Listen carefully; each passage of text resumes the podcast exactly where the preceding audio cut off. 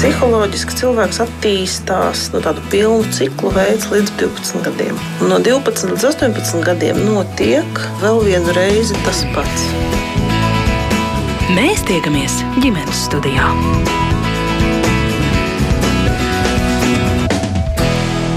Labdien, klausītāji! Gaidot pieteikto beztermiņa skolotāju streiku 19. septembrī, lielākā daļa sabiedrības iesaistījās debatēs par to, vai tiešām pedagogi pelnījuši lielākas algas, vai tad, ja tiks apmierināts skolotāja prasības, celsies pedagoģa profesijas prestižs, vai uzlabosies izglītības kvalitāte, vai jaunais mācības saturs paaugstina skolēnu mācību sasniegumus, vai arī degradē izglītošanos un citiem ar izglītību saistītiem jautājumiem. Es Mārīdz Notiņā ģimenes studijas vārdā grasos meklēt atbildes, uzklausot nozars ekspertus, un svarīgākais jautājums šodien - kas ir kvalitatīva izglītība un vai pašreizajos apstākļos to iespējams nodrošināt visās Latvijas skolās. Šeit pie mums studijā ir Latvijas Universitātes profesora, pedagoģijas, psiholoģijas un mākslas fakultātes zinātņu prodekāne, arī doktora studiju programmas izglītības zinātnes direktore Zanda Rubene. Labdien! Un labdien arī iespējamās misijas valdes loceklei Ancei Jaks. Labdien! Bet attālināti mūsu sarunai pievienojas Limbažu valsts ģimnāzijas direktore, arī pedagoģe Gunta Lāce. Labdien! Labdien, Gunta! Un vispirms arī pirmais jautājums jums. Tātad varbūt pavisam īsi varat paskaidrot man un arī klausītājiem, vai draudot ar skolotāju beztermiņa streiku ir vai nav izdevies panākt vērā pie, nu, ņēmāmo algas pielikumu skolotājiem, jo sociālajos mēdījos skolotāji raksta nekas nav panākts vai kļuvis vēl sliktāk. Savukārt ministru prezidents Krišāns Kariņš apgalvo, ka vēsturiski tā ir vislielākā papildus finansējuma piešķiršana nozarei. Kā tad īsti ir? Man liekas, ka tur ir kaut kādas komunikācijas kļūdas, jo pēc masas nezudamības likuma, ja sistēmā, algu sistēmā ieliek iekšā 70 miljonus, nu, tad viņus tur ieliek iekšā. Tas nozīmē, viņus pēc tam sadalīs tiem pašiem skolotājiem, kuri šobrīd ir, vai nu vēl dažiem, bet uh, kopumā tas nozīmē, ka mums uh, ir algas pielikums. Kā tieši tas izpaudīsies un precīzi kāda būs tā alga, to mēs redzēsim februāra sākumā, kad būsim saņēmuši algas par janvāri. Es domāju, ka pašlaik tas ir skaidrs tikai dažiem cilvēkiem visā valstī, kādā veidā precīzi tas tiks rēķināts un kas tur galā sanāks. Bet tie 70 miljoni ir, nu, tas nozīmē, vai būs. Tas nozīmē, ka tam pielikumam vienkārši ir jābūt. Tā ir tāda plika matemātika. Nu, tā ir tāda laba ziņa, vai ne? Ir vai būs precīzāk algas pielikums. Nu, protams, protams, ka tā ir laba ziņa. Un, uh, un uh, jāsaka, ka, uh, ja jūs man uzdodat jautājumu, ko parasti uzdod, vai skolotāja algas ir pietiekamas, tad es teiktu skaidrs, ka skolotāja algas nav pietiekamas. Uh, bet tad mēs varētu uzdot arī jautājumu, kurš, uh, kurš uh, valsts sektorā strādājošais Latvijā uzskata, ka viņam algas ir pietiekamas. Uh, un, un tomēr es ļoti priecājos, ka šis streiks nenotika. Eh, es ne, nedomāju runāt nekādā veidā par politiskiem iemesliem. Protams, es varētu uzdot jautājumu, kādēļ jāorganizē streiks divas nedēļas pirms vēlēšanām, bet labi, lai tas paliek uh, citiem raidījumiem, ne par to ir mūsu stāsts. Uh, un un jā, jācer, ka šis algas pielikums skolotāju omu un motivāciju strādāt izglītības sistēmā padarīs kaut nedaudz lielāku.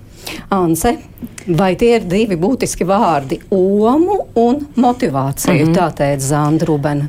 Jā, es varētu piekrist, ka tie noteikti ir divi būtiski faktori, jo skaidrs, ka nu, mūsu visu mērķis ir nu, galu galā panākt to izglītības kvalitātes uzlabošanos, bet ir ļoti svarīgi atpakot e, šo jautājumu, kas, kas zem tās lēpjas un arī zem šīs skolotāja labbūtības un skolotāja prestiža jautājumu, ko tas īsti nozīmē. Un, un tas, ko um, mēs iespējamā misijā esam papētījuši, mēs šobrīd uz skolotāju profesijas prestižu raugāmies kā uz komplektu starp to, kāda ir šīs profesijas ietekme. Un es domāju, par to mums visiem nav jāstrīdās.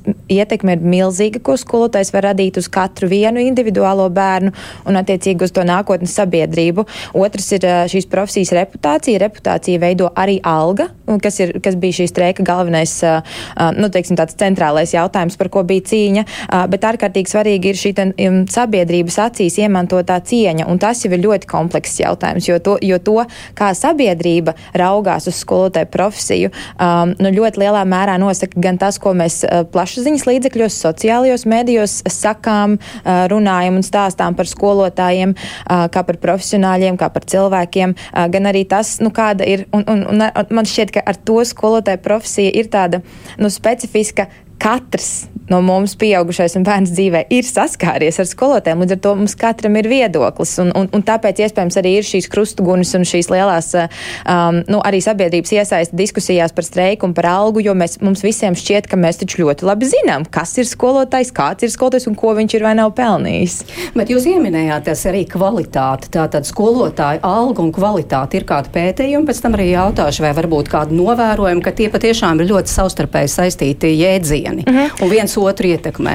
Jā, e, ir tāds e, Todo Naubrija e, modelis 20. gadsimtā gan radies, bet, bet viņš ir pētījis profesiju prestižu un tā ietekmi uz, uz profesijas šo sniegumu, uz, ko šis, tā saitīta nav tieša, bet tā iziet ar to, jo lielāks ir šīs profesijas prestižs, tā tad sabiedrība un šīs profesijas pārstāvji daudz labprātāk identificējas ar šo sociālo grupu, ar šo lomu un profesiju.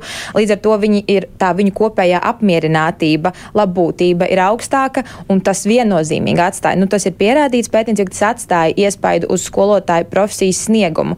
Un mēs iespējamā misijā, un es domāju, ne tikai mēs sabiedrībā, nu, pra, praktiski mēs visi esam vienojušies, ka izglītības kvalitātes, nu, tas galvenais indikators ir skolotājs un skolotāja darba kvalitāte. Līdz ar to, manuprāt, tā, tā, tā korelācija ir vistiešākā. Jā, Zanda Rubene, kā es labprāt, es labprāt uh, komentētu Ancis teikto uh, par, uh, par skolotāju prestižu ir ļoti būtiska, um, būtisks jēdziens vai būtisks koncepts uh, skolotāju vispār profesionālajā prestižā. Uh, tas tā ir atzīšana.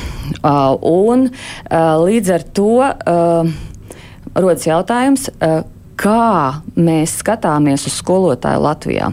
Kāds ir tas publiskais diskurss, respektīvi, kā tiek runāts, domāts un, un rakstīts par skolotāju Latvijā? Es jums piedāvāšu ļoti vienkāršu piemēru.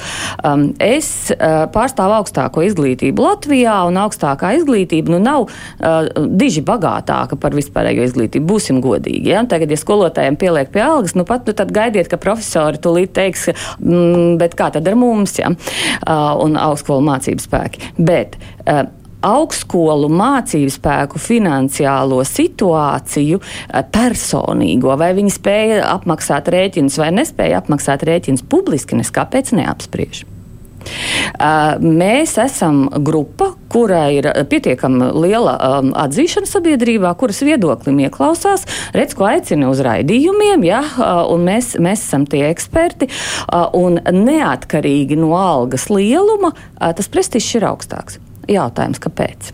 Uh, un tas ir ļoti sarežģīts jautājums, un es jums neatbildēšu ska vienkārši un skaidri, bet es jums teikšu tā, ka šobrīd Latvijā tas publiskais diskurss par skolotāju ir pilnīgi citādāks, un to būvē uh, dažādas organizācijas, paši skolotāji, arī, arī uh, plašsaziņas līdzekļi piedalās, kur. Um, Ir skumjš stāsts par skolotāju. Būt par skolotāju ir briesmīgi, tas darbs ir ārprātīgs, maz neapmaksāts un tā tālāk un tā joprojām. Kā rezultātā nu, veidojās tas priekšstats sabiedrībā, kur vecāki domā, ka, Dievs, ja, ja mans bērns ies mācīties par skolotāju, tas ir pats pēdējais, ko vajadzētu darīt. Ja?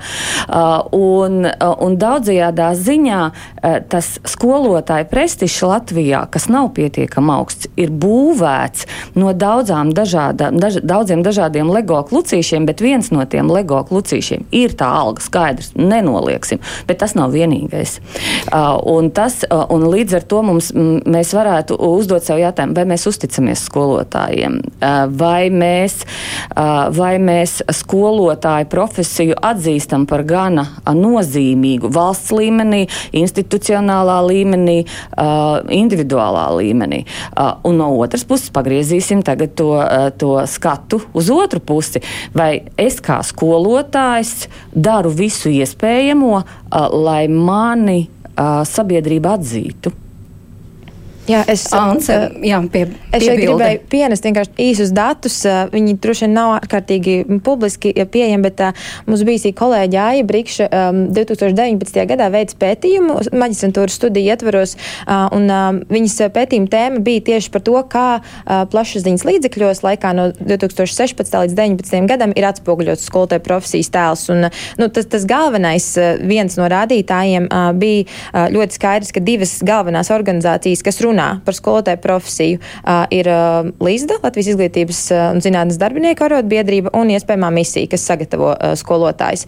Proporcija šai intensitātei, kas komunikācijā bija 83 pret 17, restīvi skaidrs, ka nospiedošā vairākumā skolotāju profesijas tēlu medijos um, veido um, līdzdas komunikācija, un uh, 90% no, no tā, ko um, šī organizācija runā, ir tieši par algu. Nu, līdz ar to ļoti skaidri, principā uh, ziņa, ziņa sabiedrībai, skolotāja profesija ir zemi atalgots darbs. Un, protams, arī skolotāji ir noguruši, izdeguši un tam līdzīgi, un Jā. tam līdzīgi, un tam līdzīgi. Tas tēls vēl tika paspilgtināts, paspilgtināts un paspilgtināts gaidāmā, nu, tā streika sarunu laikā.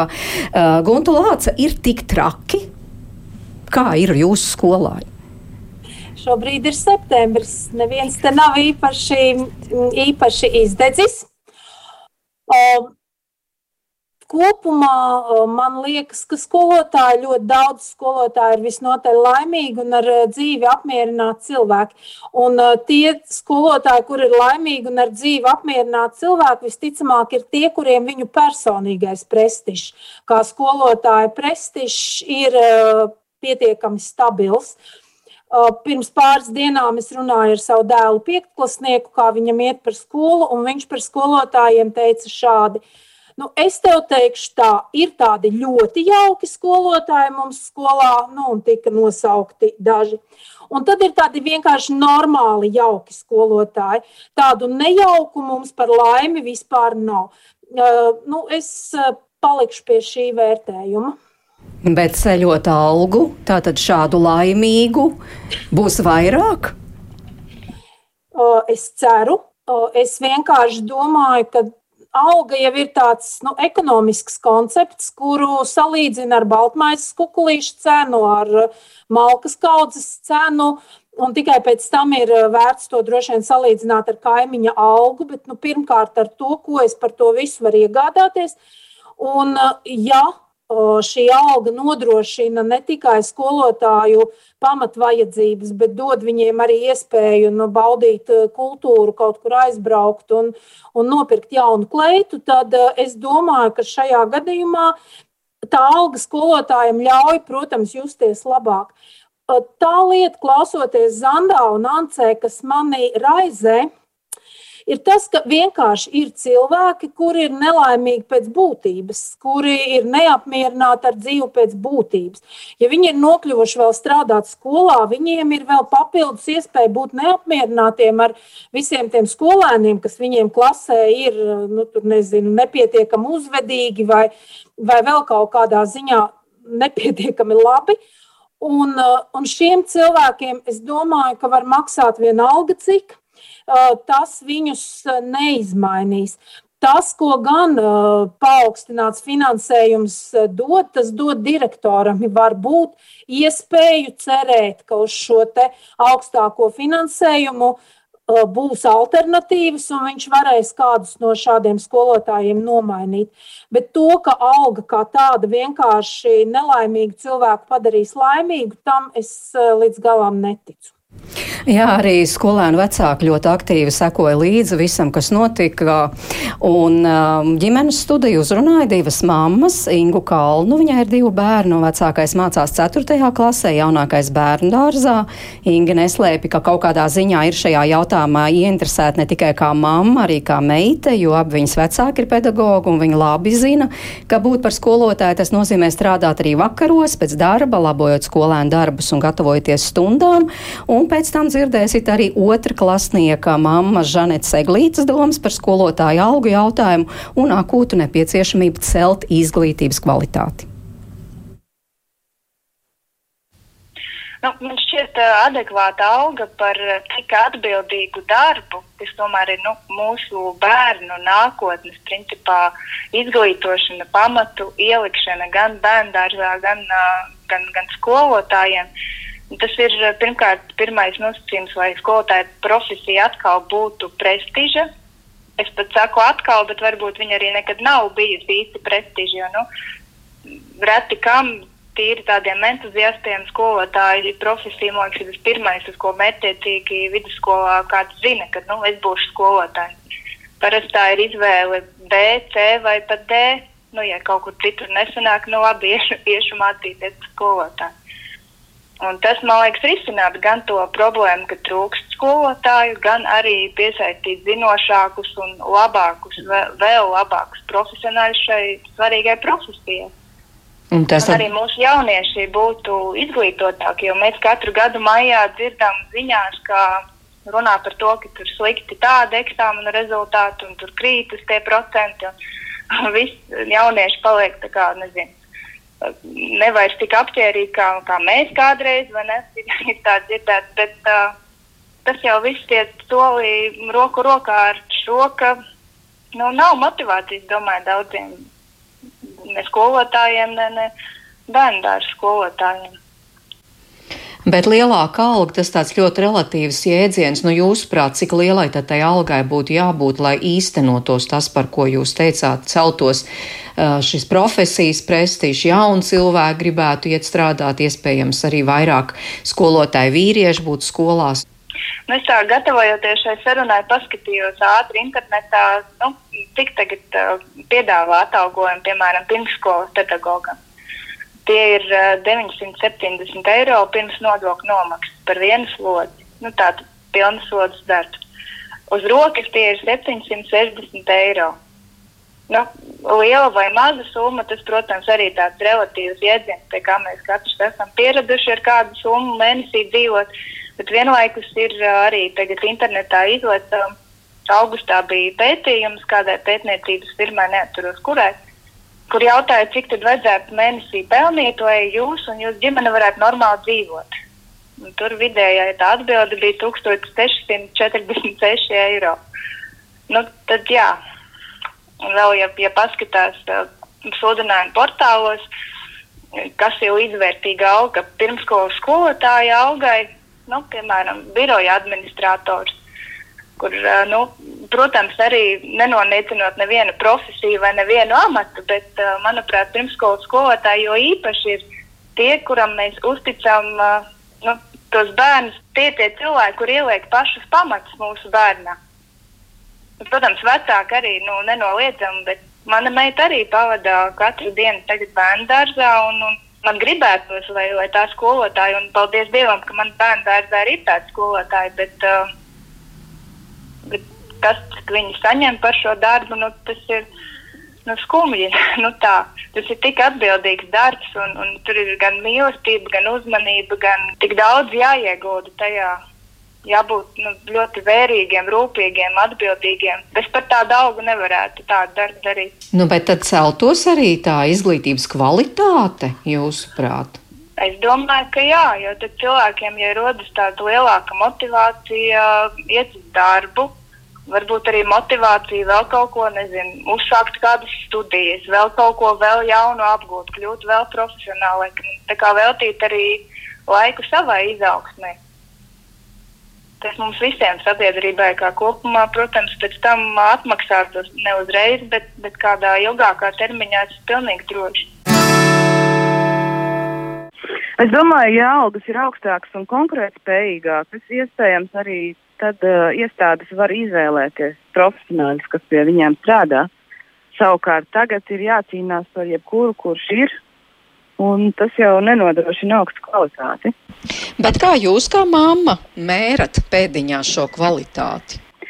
Tas, kā tiek uh, pasniegta viela un kā tiek radīta bērnā interese. Ja viņam ar varu tiek likts iekalt vielu, es arī atceros pati no savas bērnības, tam nav jēgas nekādas. Bet, manuprāt, viena no tām kvalitātēm ir šo saturu pasniegt tādā veidā, lai bērns tiešām to saprot un, un, un lai viņš to uztver un atceras. Tā ir viena lieta, un otra lieta, manuprāt, ir arī tādas personīgās kvalitātes, kāds ir skolotājs sadarbībā ar bērnu, kādas ir viņa personīgās īpašības, kā viņš var izturēt šos bērnus un, un tam līdzīgi. Nu, tātad tas ir tas vēlamais, bet reālais, nu, tas, ko jūs redzat.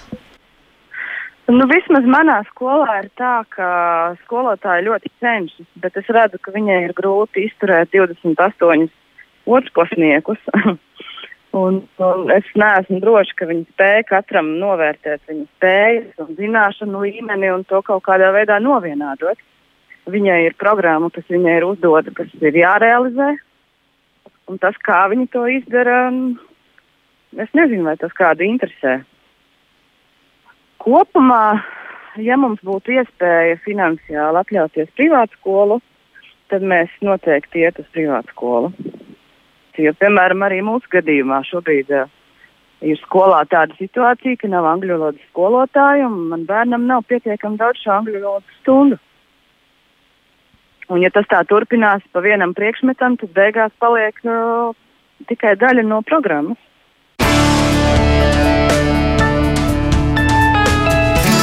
Dzirdējāt divas mammas, tātad Ingu Kalnu un Žanētu Eglīti, viņu domas par pašreizējo situāciju un par to, kā varētu celties vai nevarētu izglītības kvalitāti. Un šo ierakstu klausījāmies kopā ar Zandu Rubeni, tātad profesoru no Latvijas Universitātes Guntu Lācī, Limbažvalsts ģimnāzijas direktori un arī Ansi Jaks, kas ir iespējamās misijas valdes locekle. Anse, skatos, cipars 1846 izskanēja. Jā, nu. Es, es nenāku ar, ar konkrētu ciparu galvā, eh, kādai būtu jābūt eh, šai algai, jo man šķiet, ka primārais jautājums, kas ir jāskārto, ir šīs, ten, šī slodze. Manuprāt, cilvēks nevien, nu, tā, neviens uh, pārstrādājies, pārdedzis, pārslogots profesionālis uh, nu, ilgtermiņā, lai cik viņam maksātu, ne, nevar būt kvalitatīvs, un tā skaitā skolotājs. Līdz ar to ir ārkārtīgi svarīgi, manuprāt, vispirms raudzīties uz slodzi, vienoties par to, kā mēs sabiedrībā vispār runājam par skolotāju algu, jo tas ir vēl viens aspekts.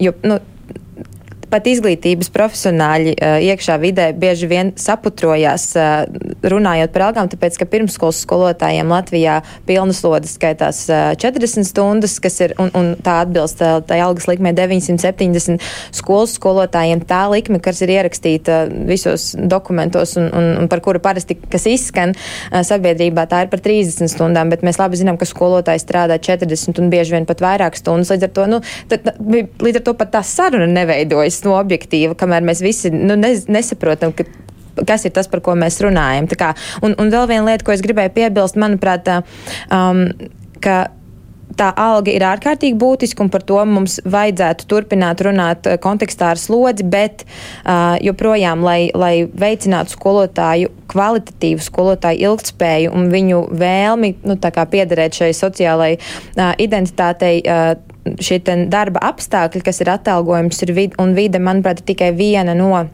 sastāvdaļām, lai piesaistītu jaunus profesionāļus. Tur vēl būtu jābūt klāt sarunai un, un risinājumiem tam, kā mēs atbalstām tos skolotājus, tīpaši jaunos, kas ienāk, kas ir direktoru pašvaldību uzdevums, kādu profesionālo pilnveidu un mācīšanās iespējas mēs viņiem piedāvājam, kas ļoti bieži ir tieši pašvaldību rīcībā, dažādi metodiskā darba um, rīki. Un, un otrs ir nu, tas jau, jau minētais prestižs šitan um, sabiedriskajā telpā uh, nu, ziņas, kas izskan par šo profesiju. Jā, Gunta Lāce, gribat kaut kā pakomentēt to, ko jūs dzirdējāt māmu teiktajā? Kas jums iedūrās ausīs? iedūrās, piemēram, doma tāda, kas droši vien mammai netīšām sanāca, ka vajadzētu vienādot uh, visus bērnus. Man gribējās uzreiz teikt, nevajag viņus vienādot, viņi ir tik dažādi un, un viņiem ir jāļauj attīstīt tieši to, kas katram bērnam ir tā viņa stiprā puse. Un, un, manuprāt, tā ir labas izglītības viena no pazīmēm, ka bērns eh, var, viņam tiek dot iespēja attīstīt, attīstīt nu, visas savas spējas, bet nu, it īpaši tās, kas ir nu, varbūt tādas īpašākas. Bet eh, klausoties Ancē, man liekas, mums ir pēdējais brīdis sabiedrībā vienoties par to, kā mēs skolotājiem pieklājīgi maksāsim izstrādāt pieklājīgu schēmu, kā šī alga iet kopā ar nu, visu pārējo valsts budžetu un, un, un inflāciju un tā tālāk, un pārtraukt par to runāt. Jo tas ir tas pats trakākais, ko mēs darām. Ants arī pieminētais pētījums to rāda. Mēs runājam par augu un tikai par augu. Mums nepaliek, un tur vēl ir sarežģītas visas tās sarunas. Mēs pat īsti nesaprotam, ko mēs runājam.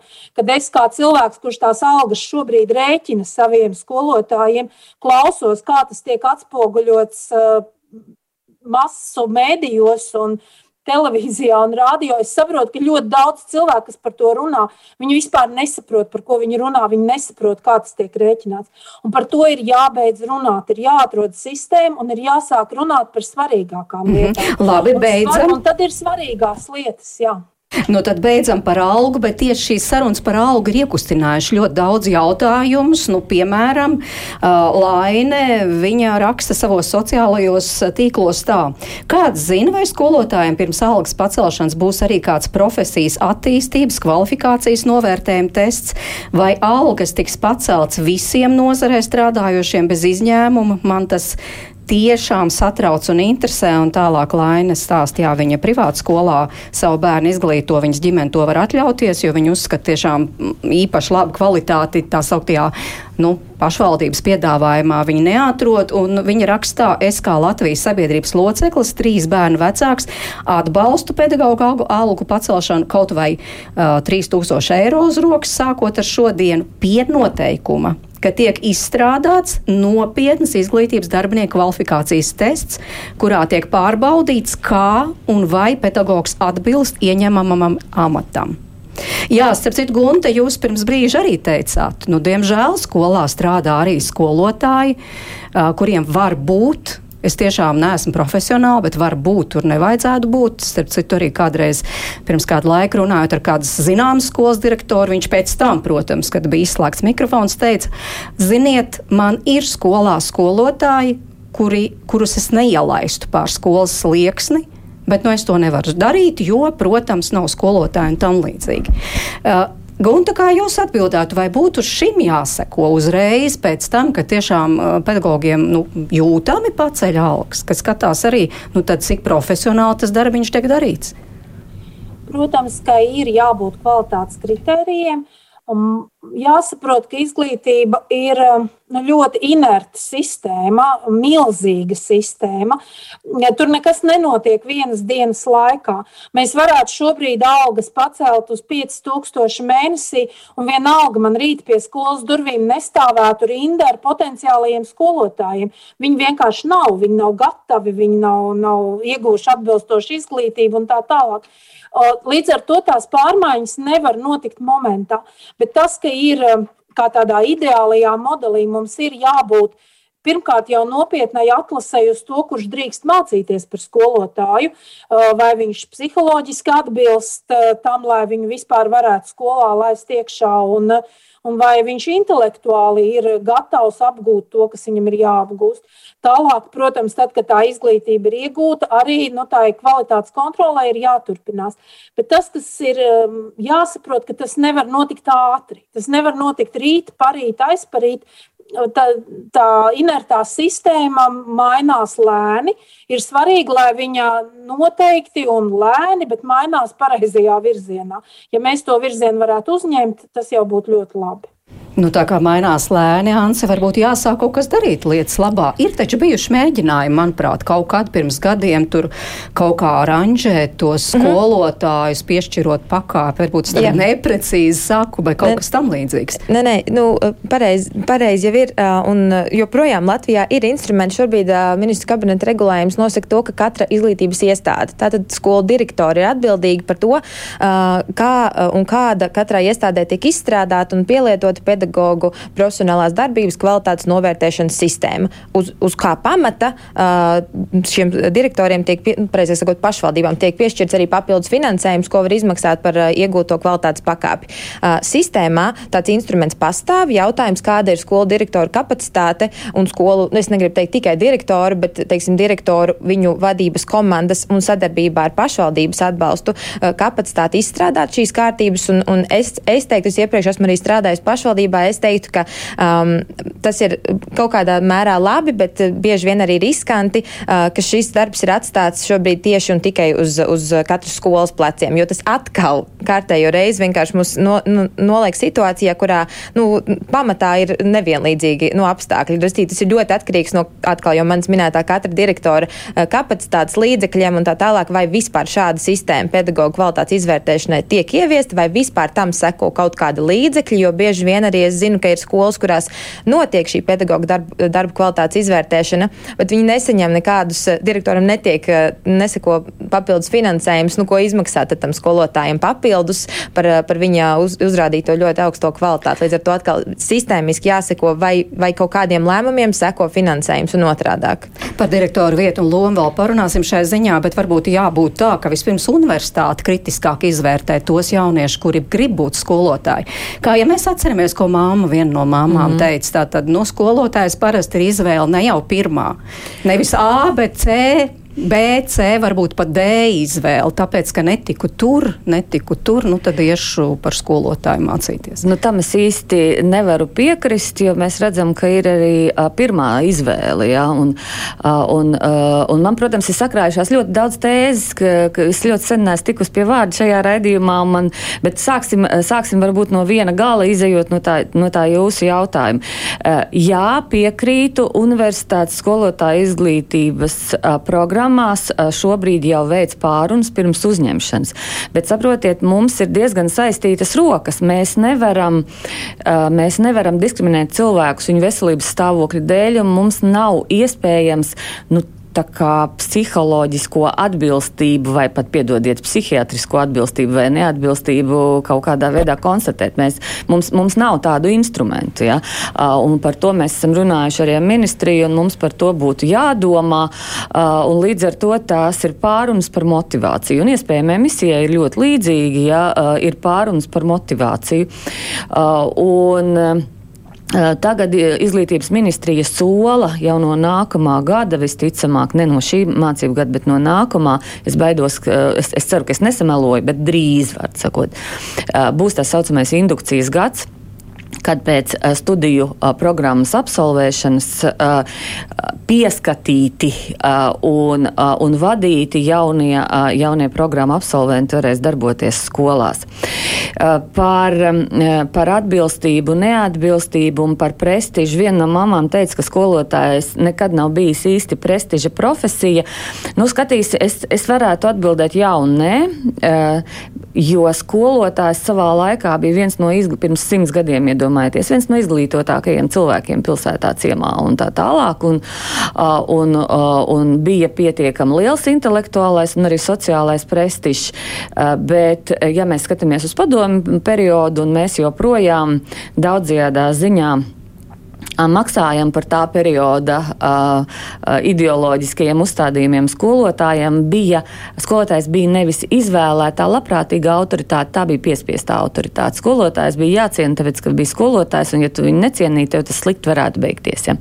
Uh, un līdz ar to, uh, kā jau te uh, Ance teica, katrs no mums kaut kādā ziņā ir ar izglītību bijis dzīvē saistīts, un izglītība attiecās uz visiem, un katrs ir sastapis skolotājus. Atmiņas par skolotājiem medijiem kā par uzspiestu autoritāti eh, nav labas. Un eh, pirms dažiem gadiem, es, es nepateikšu pirms cik gadiem, bija maģistra pētījums Latvijas universitātē, kurā kurā uh, tika jautāts respondentiem, kādas ir pirmās izjūtas, kad viņi atcerās skolu un skolotājs, tad viņi teica, ka pirmās jūtas, ko viņi jūt, ir bailes. Uh, bailes, uh, un daudziem bija arī dusmas un, un, un, un tā tālāk. Uh, un uh, daudzajādā ziņā tas to sabiedrības attieksmi pret skolotāju veido. Uh, par skolotāju profesijas izvēli mēs uh, 2000. gadu pirmajā dekādē veicām pētījumu, mēs intervējām skolotājus, lai saprastu, saprastu, kādēļ viņi šo profesiju ir izvēlējušies. Un jāsaka, ka ļoti bieži atbilde bija tāda, līdzīgi kā klausītāji teica, ka nu, um, padomju savienībā bija vai, nu, tikai dažas iespējas, kur skolotāji, kur, kur sievietei mācīties. Par ārsties negāju, ja man bija bail no asinīm, pārdevēja vai frizieris negribēja būt, un tad es gāju par skolotāju. Un būtībā skolotāja profesija bieži vien izvēlās tieši tāpēc, ka tā ir pazīstama un, un, un baidās riskēt cilvēku, un tāpēc viņi drošības labad izvēlos kaut ko, kaut ko kas ir pazīstams.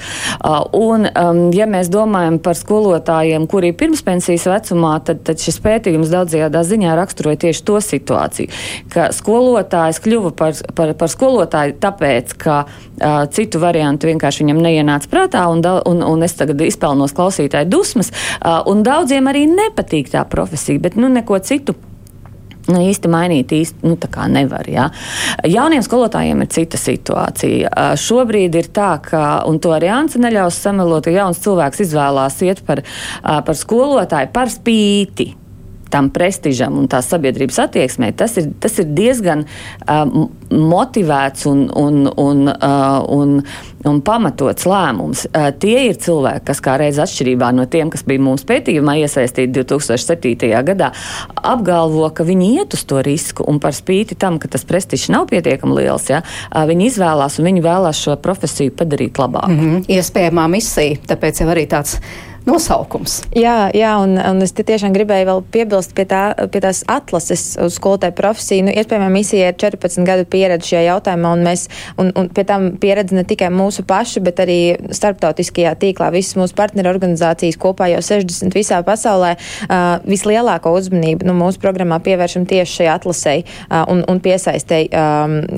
no, no dažādu um, speciālistu vidus. Un, uh, un, un mums, ir, mums, mums izdodas, bet, protams, tas es gribu teikt, tas ir dārgs process norganizēt ļoti, nu, četrās kārtās pusgada garumā skolotāju atlases procesu, pēc kura mēs, mēs tiešām varam ar garantiju pateikt, ka tie skolotāji, kas nonāk mūsu programmā un pēc tam skolās, viņi ir ne tikai augsti motivēti, viņi ir ar līderības prasmēm un spējām, viņi ir savas jomas profesionāļi, bet, bet viena būtiska lieta, par ko mēs ar saviem starptautiskiem partneriem runājam pēdējā laikā, ir ļoti redzama nu, tāda nianse, kas parādās eh, šajos eh, jaunajos, potenciālajos jaunajos skolotājos, ka viņiem nākusi klāt tāda jauna prasība attiecībā uz labbūtību, kas saistās ar to, ko um, darba tirgumu nodarīja pandēmija par attālināto strādāšanu. Ļoti daudz profesionāļu, kas šobrīd ir citās sfērās un kas raugās uz skolotāju profesiju, kā nu, varbūt es labprāt pamēģinātu, um, um, viņi, viņiem ir svarīgi darīt kaut ko ar jēgu, uh, darīt darbu, kam ir ietekme pozitīva uz nākotni un uz bērniem, bet uh, viņi redz, ka citi viņu uh, vienaudži un, un, un citi cilvēki viņu uh, nozarē,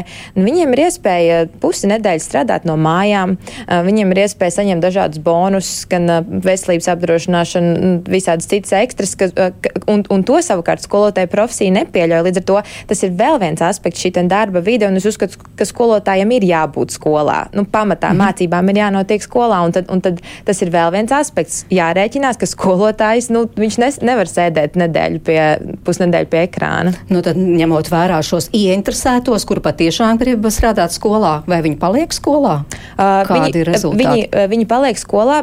Teiksim tā, ir tā, ka uh, Visriskantākie ir pirmie trīs gadi jaunam skolotājam, kad viņš ienāk skolā. Ja viņš saņem pietiekošu atbalstu no manis minētajām iesaistītajām pusēm, no skolas vadības, no pašvaldības, tādā, nu, iespējams, materiālā, praktiskā ziņā un no kāda uh, kuratora, mentora uh, uh, skolā, uh, tad, uh, tad ir ļoti liela iespēja, ka viņš noturēsies arī ilgāk par šiem trīs, arī piecus un tā tālāk gadus. Iespējamās misijas absolventu vidū, kas kopā ir 260, uh, 75% no mūsu absolventiem uh, joprojām strādā izglītības sektorā sektorā, 50% tieši skolās, un mūsuprāt, ir ļoti augsts rādītājs priekš tā, ka 14 gadus, uh, nu, daudz, daudz pirms 14 gadiem ienāca šajā sektorā. Jā, mēs ļoti daudz par skolotājiem varētu runāt vēl un vēl un vēl, jo, protams, skolotājs tas ir atslēgas vārds arī, ja mm -hmm. mēs mhm. domājam par izglītības kvalitāti, noteikti tas ir atslēgas vārds, bet ieskanējās arī par direktoru, un es atļaujos atkal šeit ar savu pieredzi. Ģimenes studijai ir tāda tradīcija, 1. septembrī mēs sagaidām šo pirmo skolas dienu kādā skolā kopā ar skolotājiem, ar, ar viņu vecākiem, ar skolēniem un risinām visdažādākās sarunas. Un šogad mēs bijām Liepājas Raiņa 6. vidusskolā. Tur ir tāds ļoti aktīvs un attraktīvs direktors Kārlis Strautiņš. Un es patiešām biju izbrīnīta, ka uz visu šī fona, ka tu katru dienu dzirdi, cik slikti ir skolotājiem, cik viņi ir pārstrādājušies, cik viņi ir izdeguši. Tu redzi, ka skolā viss notiek. Tur ir vairāk skolo, skolēnu nekā skola spēja uzņemt. Tur ir piesaistīti 11 jaunu skolotāju, tas, starp citu, arī nozars profesionāļi. Teiksim, programmēšanu ir gatavs mācīt programmētājs no ļoti prestižu uzņēmumu vienreiz nedēļā. Viņš saka, tas man misijas darbs, es gribu. Tur ir sportam piesaistīts vieglatlēts, kurš ir olimpisko spēļu dalībnieks bijis. Tur ir programmas, tur ir skolēni, kas iesaistās, tur ir skolotāji, visādi, nu, kas tiešām stāsta, mums ir tāds un tāds un tāds un tāds idejas. Es, es protams, tas ir 1. septembris, un varbūt tas mans skatījums ir pārāk tāds, nu, skaists, bet vienalga. Nu, kāpēc tai skolā ir tāda situācija, un varbūt kaut kur pavisam blakus, pavisam citas ir direktora fa faktors Guntlāts? Jūsu pieredze. Tas ir arī direktora faktors droši vien. Tas ir stāsts par to, vai tie skolotāji jūtas piederīgi tajā skolai pirmkārt, vai viņi jūtas iesaistīti. Un, un ja viņi tā jūtas, tad viņi arī ir motivēti un, un visas lietas notiek. Jo Tādu skolu ir daudz.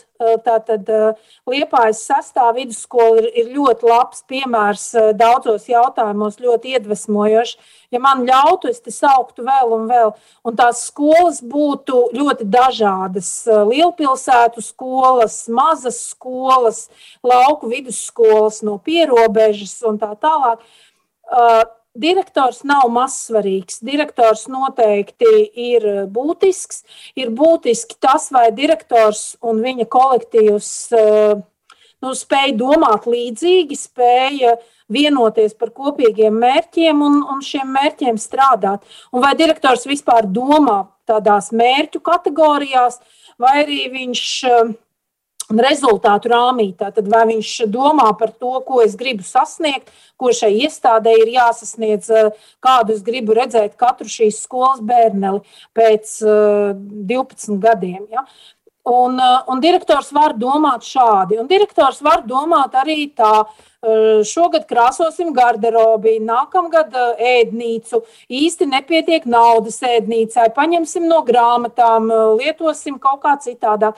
Es drusciņi vulgarizēju, protams, bet nu, ir svarīgi, jā, par ko direktors domā, vai viņš domā par izglītības kvalitāti, un vai viņš ar savu kolektīvu ir gatavs iet kopsolī. Jo, ja direktors uz savu skolu un skolotājiem un bērniem skatās tā, ka, nu, Nu, diezko daudz jau viņi nevar izdarīt, eh, kādi nu man viņi ir, ar tādiem jāstrādā. Tad, eh, ja direktors skatās šādi, nekas labs uh, nevar sanākt. Jā, un te vēl pieminēt, var un tie mūsdienu bērni ar viņiem jau vispār tur vairs nevar tikt galā un, un tam līdzīgi. Jā, bet varbūt tad nemaz nebija slikta ideja, ka jārotē tie direktori. Nu, kā Gunta teica, rekā vienā mm. skolā var un ir. Protams, ka apstākļi ir grūti, bet kaut kā skola spēja tajos funkcionēt un labi funkcionēt un nodrošināt izglītības kvalitāti. Un, un cita nespēja. Tas ir jautājums Zan. man, ja? Jā, es uz jums skatos. Jebkurā gadījumā man ļoti bieži, tā kā es esmu iesaistīta arī tādā nevalstiskā organizācijā, kā Neatkarīgā izglītības biedrība, mēs ļoti daudz runājam pamatā par vispārējo izglītību. Ja? Bet es vienmēr skatos, nu, protams, no savas perspektīvas, un es salīdzinu to, kā, kā tas ir augst, augstskolā. Nu, jā, augstskolā neviens rektors, neviens dekāns vairāk par astoņiem gadiem, viņam ir četru gadu termiņš, un tad pārbauda viņa uztici, uzticību un, un, un, un, un, un izdarību un rezultatīvos rādītājus, un atkal par viņu balsoja. Un būtībā nu, tad ir tās, tas, tas ierobežotais termiņš. Es saprotu, ka e, rotācija nebūs. E, ja mēs tagad skatāmies uz jaunākajiem e, izglītības ministrijas um, nu, pa, veikumiem, bet būs tāda kā certifikācija, vai ne? Būs, būs izvērtēšana direktoru. Jo patiesībā tas ir viens no, no, no biznesa vadības principiem, ka mēs vadītājus samainam savā starpā un skatāmies, kā viņi tiek galā, jā, un kā viņi risina problēmas un tā tālāk. Nez vai, nez vai skolu direktoru sakarā šis būs īstais, īstais gadījums, bet, bet nu, jāsaka, ka kad direktora darbības izvērtēšana notiks. Es gribu nedaudz atgriezties pie tā, ko Gunta teica iepriekš, ka būtu valstī jānosaka a, kritēriji skolotāju darba kvalitātei un jāpārstāj runāt par tām algām un jārunā par daudz svarīgākām lietām. Es pilnīgi piekrītu ar rokām un kājām esmu par, jo atkal es jums teikšu, ka augstskolā mums sen tāda kritērija ir. A, mē, mums arī neviens uh, amats, neviena pozīcija nav ilgāka par sešiem gadiem. Mums ik pēc diviem gadiem notiek izvērtēšana, kur nu, skolas direktors jā, vai fakultātes dekāns to izvērtēšanu o, veids, un, un, tie, un tie kritēriji ir gan a, par rezultātiem, zinātniskiem un tā tālāk, bet mums ir arī studentu vērtējumi un tā tālāk par procesu. Ja? Un līdz ar to es domāju, un, un no tā, kā man izvērtē, no tā ir atkarīgs, kādu pozīciju es ieņemu. Un, nu, ir skaidrs, augstskolā tu vari būt profesors, varbūt nedaudz zemāk asociētais profesors, docents. Ja, ja tu neesi izpildījis tos kritērijus, tad tu no asociētā profesora krīti atpakaļ uz docentu, ja, un tā alga paliek mazāka.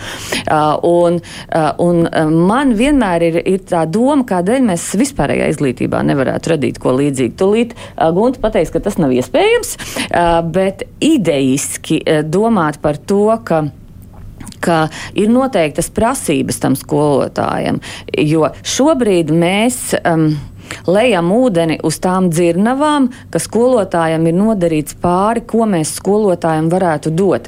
Uh, bet bet varbūt mums varētu, vajadzētu valstiski tagad paskatīties, um, nu, ko, ko es kā skolotājs, uh, kā es kā mā, um, mācības spēks universitātē daru. Uh, lai, uh, lai, lai to sabiedrības atzinību nopelnītu. Uh, un tā izglītības kvalitātes jautājums ir kā jau teicu, redzījuma sākumā ļoti sarežģīts, uh, sarežģīts puzlis vai, vai LEGO um, konstruktors no daudziem dažādiem klucīšiem. Uh, un uh, vēl ir viena lieta, ka mums Latvijā šķiet, ka konkurēja, uh, uh, izglītības sistēma, kas balstās uz konkurenci, uz ranžēšanu, uz sacensību, uh, ir labāka un padarīs izglītības procesu kvalitatīvāku. Bet ziniet ko? Ja mēs paskatāmies uz pasaules pieredzi, tad uz sadarbību vērstās mhm. izglītības mm. sistēmas ir, ir daudz kvalitatīvākas nekā, nekā uz konkurenci vērstās. Jā, mums ir tikai divi pužļu gabaliņus, kā jūs teicāt, tiešām izglītības kvalitāte ir vesels puzlis. Mēs tikai tos divus gabaliņus mazliet apgrozījām. Tur skolotājs, direktors, tur ir daudz, daudz plašāks tas jēdziens. Un pieminējām tikai vienu reformu, te, piemēram, kas bija virmoja gaisā, ka vajadzētu direktors mainīt. Ir vesela gūzma reforma un atkal dažādi viedokļi, ka tās tikai bojā izglītības sistēmu un tikai kvali mazāk kvalitatīva šī izglītība kļūst. To pierāda arī SKDS pētījumi ar katru gadu mm. iedzīvotāji, viņi aizvien sliktāk vērtē. Nu jā, kad aizvien nekvalitatīvāka, nekvalitatīvāk mums tā izglītība, mums ir trīs minūtes, bet vai tiešām tā ir, es gribu jautāt, jo kā mēs vispār to varam izmērīt, kas visu šo pārmaiņu rezultātā notiek? Nu, parasti piemin centralizēto eksāmenu rezultāti, kas kopumā pat ir mazliet labāki pēdējā gadā, un vēl to PISA pētījumu, mm kas OECD, kur mēs stabili esam, nu, kā tāds vidēji, vidēji labi mums ar to kvalitāti kvalitāti. Uh, mēs, mēs patiešām esam vidēji. Uh, pēc PISA pētījumiem, OECD pētījumiem, mēs esam kaut kur pret vidu.